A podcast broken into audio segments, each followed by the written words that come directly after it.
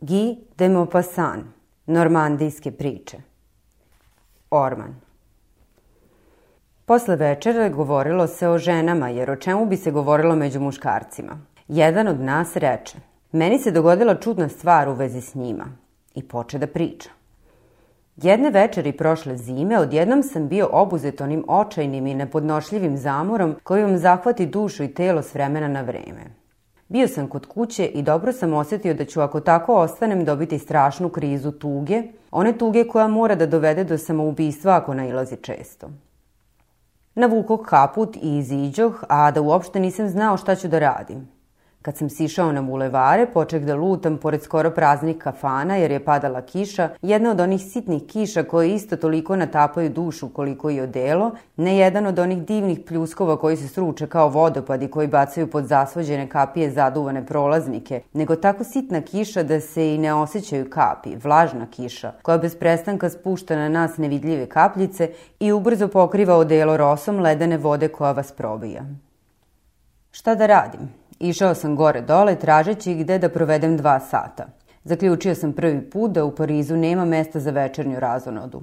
Najzad odlučih da uđem u Foli Berger, to zanimljivo tržište devojaka. U velikoj sali malo sveta. U dugačkom šetalištu u obliku potkovice bilo je samo beznačajnih ličnosti, čija se prostačka rasa pokazivala u držanju, u odelu, u načinu kako im je bila podsečena kosa i brada, u šeširu, u boji lica. Jedva se ovde onde mogao vidjeti čovek za koga se moglo reći da se oprao, pošteno oprao i čije je celokupno odelo ostavljalo utisak celine.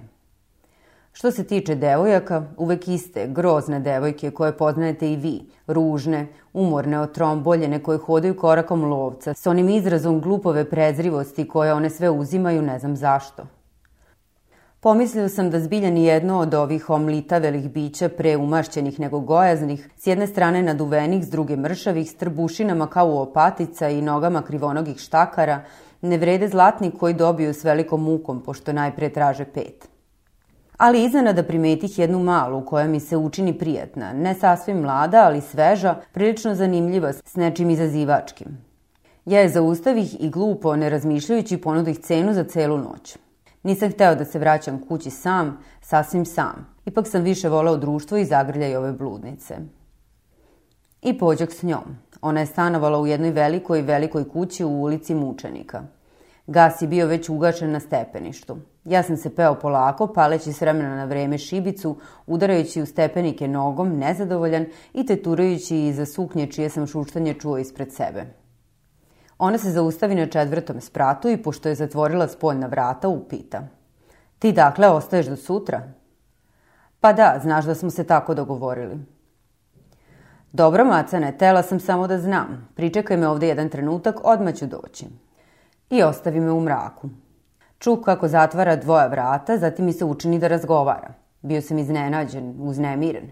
Prođe mi kroz glavu misa o podvodaču. Ali ja imam čvrste pesnice i čvrsta leđa.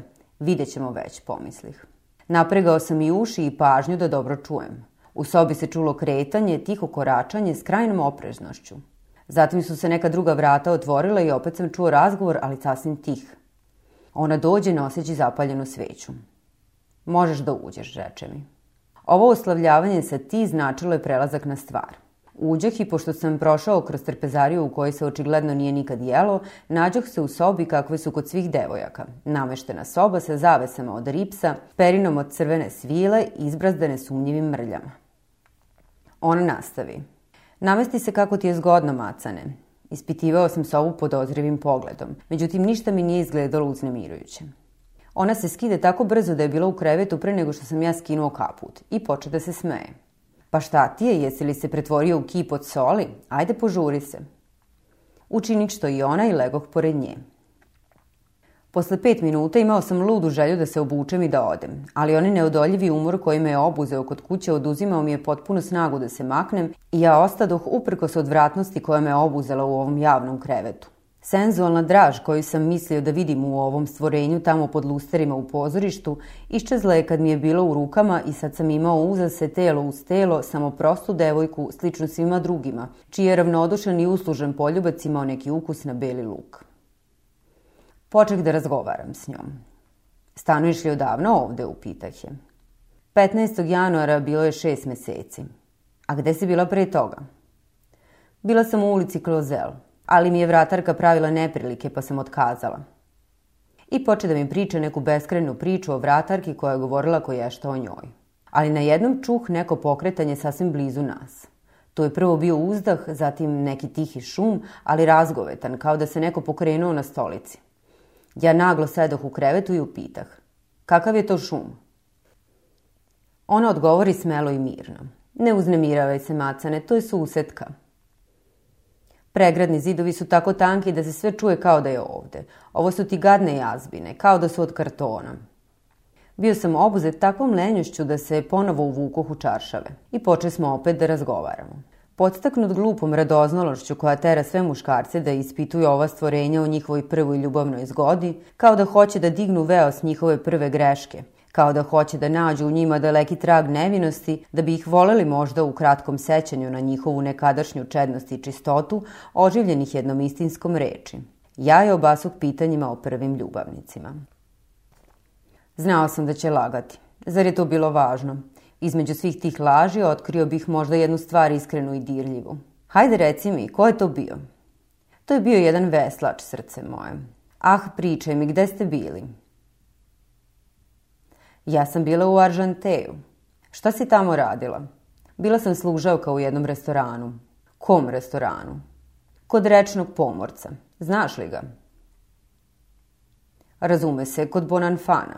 Da, tako je. A kako ti se udvarao taj veslač? Dok sam uspremala krevet. Uzeo me silom. Ali ja se na jednom setih teorije jednog mog prijatelja lekara, lekara posmatrača i filozofa, koji je po svojoj stalnoj službi u jednoj velikoj bolnici imao svakodnevno veze s devojkama, majkama i javnim ženama, sa svim sramotama i svim bedama jadnih žena koje su postale strašan plen mužijaka koji luta s novcem u džepu. Uvek, govorio mi je on, devojku zavede čovek iz njenog staleža i njenog položaja. Ja imam čitave sveske zapažanja o tome. Svet optužuje bogate da ubiraju cvet nevinosti dece iz naroda. To nije istina. Bogati plaćaju već obran buket. Beru ga i oni, ali tek drugi cvet. Nikad ga ne beru u prvom cvetu. Ja sam onda okretog svoj prijateljici i počeh da se smejem.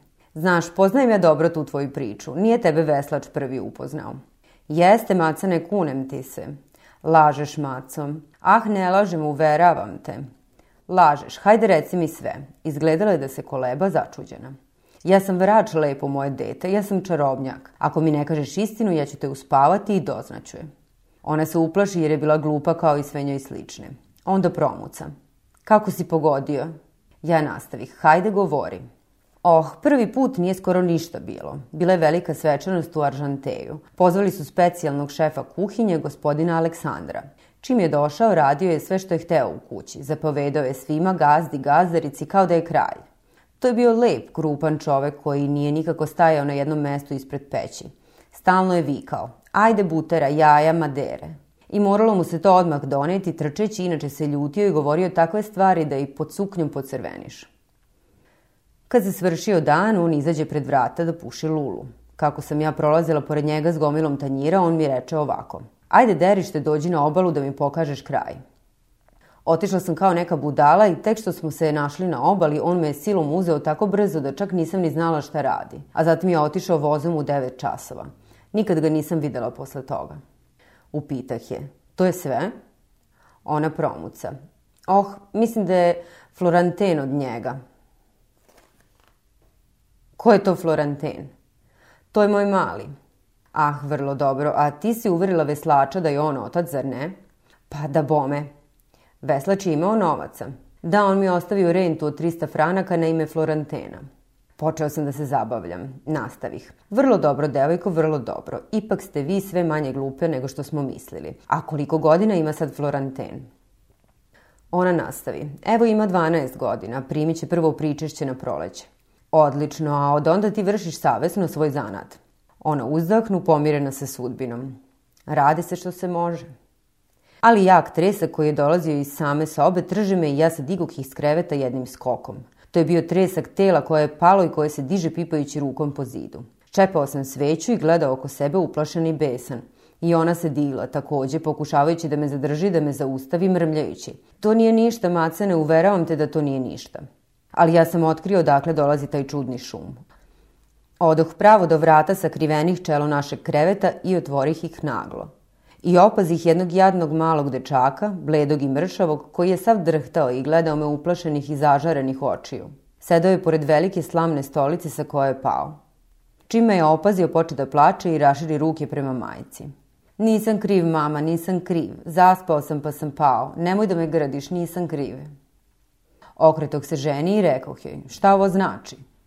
Ona je izgledala zbunjena i očajna i progovori iskidanim glasom. Šta ćeš, ja ne zarađujem dovoljno da ga dam u pansion. Moram da ga zadržim pored sebe, a nemam od čega da platim još jednu sobu, razume se. Spava sa mnom kad nemam nikog.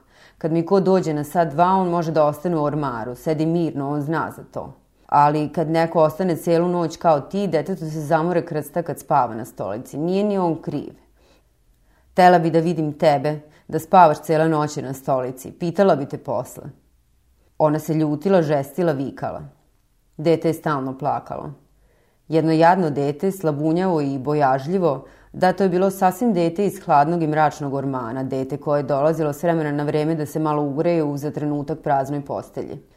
Ja sam isto tako imao želju da zaplačem. I vratih se da spavam kod kuće.